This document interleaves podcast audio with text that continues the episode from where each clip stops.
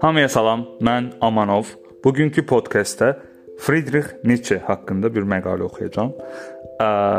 Friedrich Wilhelm Nietzsche 15 oktyabr 1844 doğulduğu yer Röken, öldüyü tarix 25 avqust 1900, öldüyü yer Weimar. Alman filozofu və klassik filoloqdur. Tarixdə 100 ən çox öyrənilmiş şəxsiyyətlər siyahısına daxildir. Nietzsche.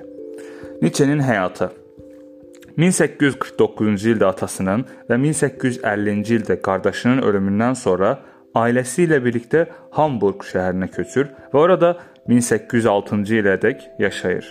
Yeniyetmə Nietzsche getdiyi ilk ibtidai məktəbdə özünü təcrid olunmuş hiss etdiyindən özəl bir məktəbə oxumağa göndərilir.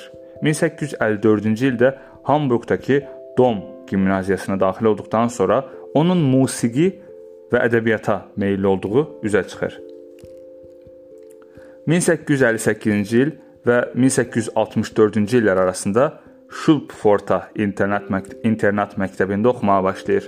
Çalışqan bir şagird olur. Antik ədəbiyyatla maraqlanır, şeir yazır və musiqi bəstələyirdi.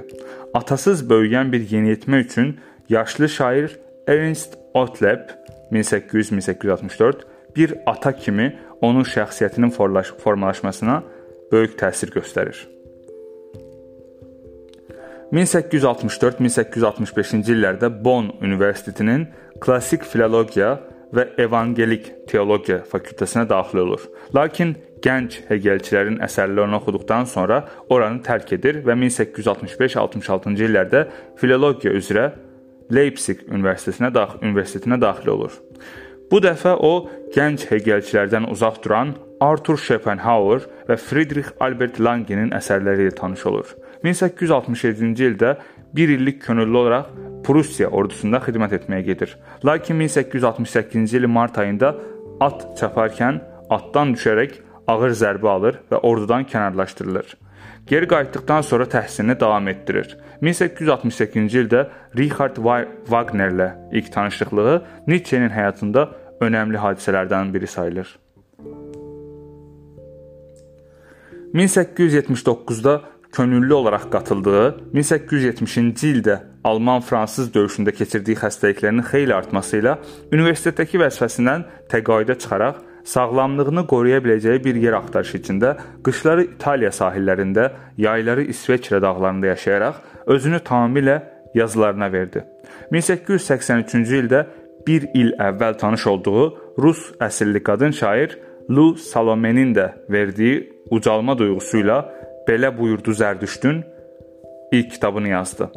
Bundan sonra 1885-ə qədər 2-ci, 3-cü və 4-cü kitablar ilə Zərdüştün məzmununa nəsr olaraq yaxınlaşan Yaxşı və pisin ardında 1885 və Əxlaqın şəcərəsi 1887 kitablarını yayımladı. Zərdüşt sonrası dövründə müxtəlif zamanlarda müxtəlif başlıqlar hazırlayaraq bir böyük əsər yazmağa girişən Nietzsche son məhsuldar ili olan 1888-ci ildə ardıcıl olaraq Wagner hadisəsi, bütlərin qürubu, Dəccal, Ecce Homo və Dionis Diframosları adlı kitabını yazdı. 1889-cu ilin ilk günlərində Turin şəhərində küçədə qırmanclanan bir südçü atının boyuna sarılıb ağlamağa başlayan mütəfəkkir şagirdlik illərində yoluxduğu sifilis mikrobunun nəticəsi olduğu təxmin edilən dəliliyə düçar oldu. 1900-cü ilə qədər mənəvi qaranlıq içində bitki mənşəli deyilə biləcək həyatını davam etdirən Nietzsche özündən sonrakı əsrdə təsirləri ən məşhur olacaq düşüncə məhsullarını gerdə buraxaraq 25 avqust 1900-cü ildə həyatdan köçdü. Təsiri Nietzsche özündən sonrakı filosof, yazıcı, siyasətçi, musiqiçi və digər peşələrin insanlarında böyük təsir qoyub getmişdi.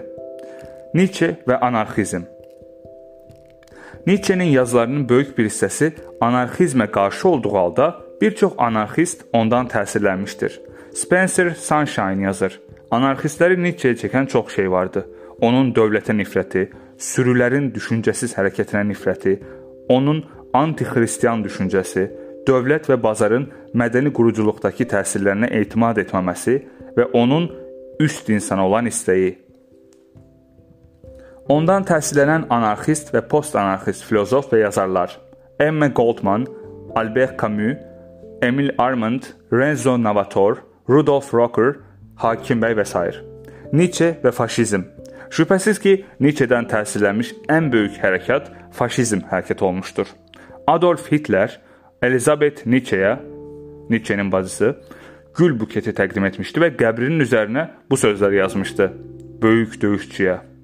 Nietzsche faşistlərdə Nietzsche marağının səbəbi onun üst insanı arzulaması, hansı ki Hitler bunu üstün irq kimi başa düşürdü. Onun həyat uğrunda mübarizəyə dəstək olması və ölümündən sonra çap olunmuş Hakimiyyət əzmi Will to Power kitabına nasist bacısının etdiyi dəyişikliklərdir. Dəyişikliklərdir. Və sonuncu olaraq Nietzsche və psixanaliz. Nietzsche psixanaliz barədə Carl Gustav Jung, Alfred Adler və Sigmund Freud kimi alimləri təhsilən təhsilləndirmişdir. Carl Jung Zərdüşt haqqında seminar vermiş, Sigmund Freud isə onun haqqında Nietzsche-yə qədər heç kim özünü təhlil etməyi bu qədər yaxşı bacarmamışdı və çox güman bacaranlar bir daha çətin tapılsın demişdi. Bu qədər. Sağ olun.